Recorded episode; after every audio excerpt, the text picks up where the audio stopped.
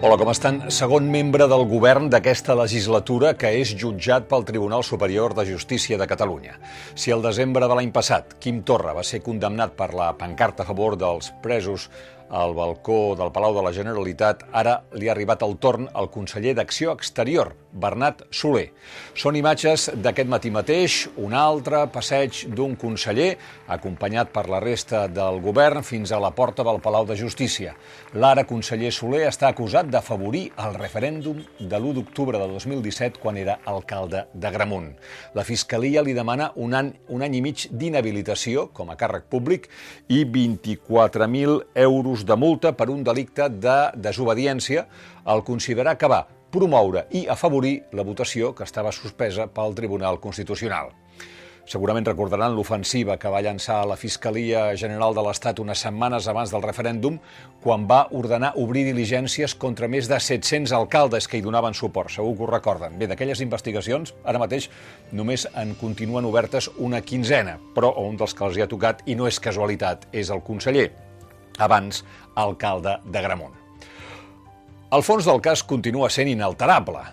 Al segle XXI, en un estat de la Unió Europea, un polític escollit democràticament pels seus veïns eh, seu a la banqueta dels acusats per promoure i afavorir una votació que portava el seu programa electoral, programa que va ser votat per la majoria dels ciutadans. Que no es pugui preguntar el que més de la meitat de la gent voldria que es preguntés o que estaria disposada a contestar és un fracàs de la democràcia espanyola, però ja fa anys que diem que des que els governs espanyols, sobretot el de Rajoy, va externalitzar a la justícia, als serveis secrets, a la policia, el que abans haurien externalitzat a l'exèrcit, però que ara havien de fer ells i es van negar a fer política, el resultat només podia ser un desastre, fins i tot per la solidesa de l'estat de dret, perquè una cosa és solidesa i l'altra és rigidesa. Amb tot, amb aquesta convicció inalterable que perseguir un referèndum és allargar el problema, no n'hi ha prou per, en fi, per fer política avui, per governar el país, ni pensant en el 14 de febrer per anar a les eleccions. Ni amb el contrari, amb allò de centrem-nos en la gestió i deixeu estar. No. L'oferta independentista ha de filar molt prim perquè la societat catalana ha rebut l'impacte de la Covid-19. Està més cansada i més empobrida des del 2017.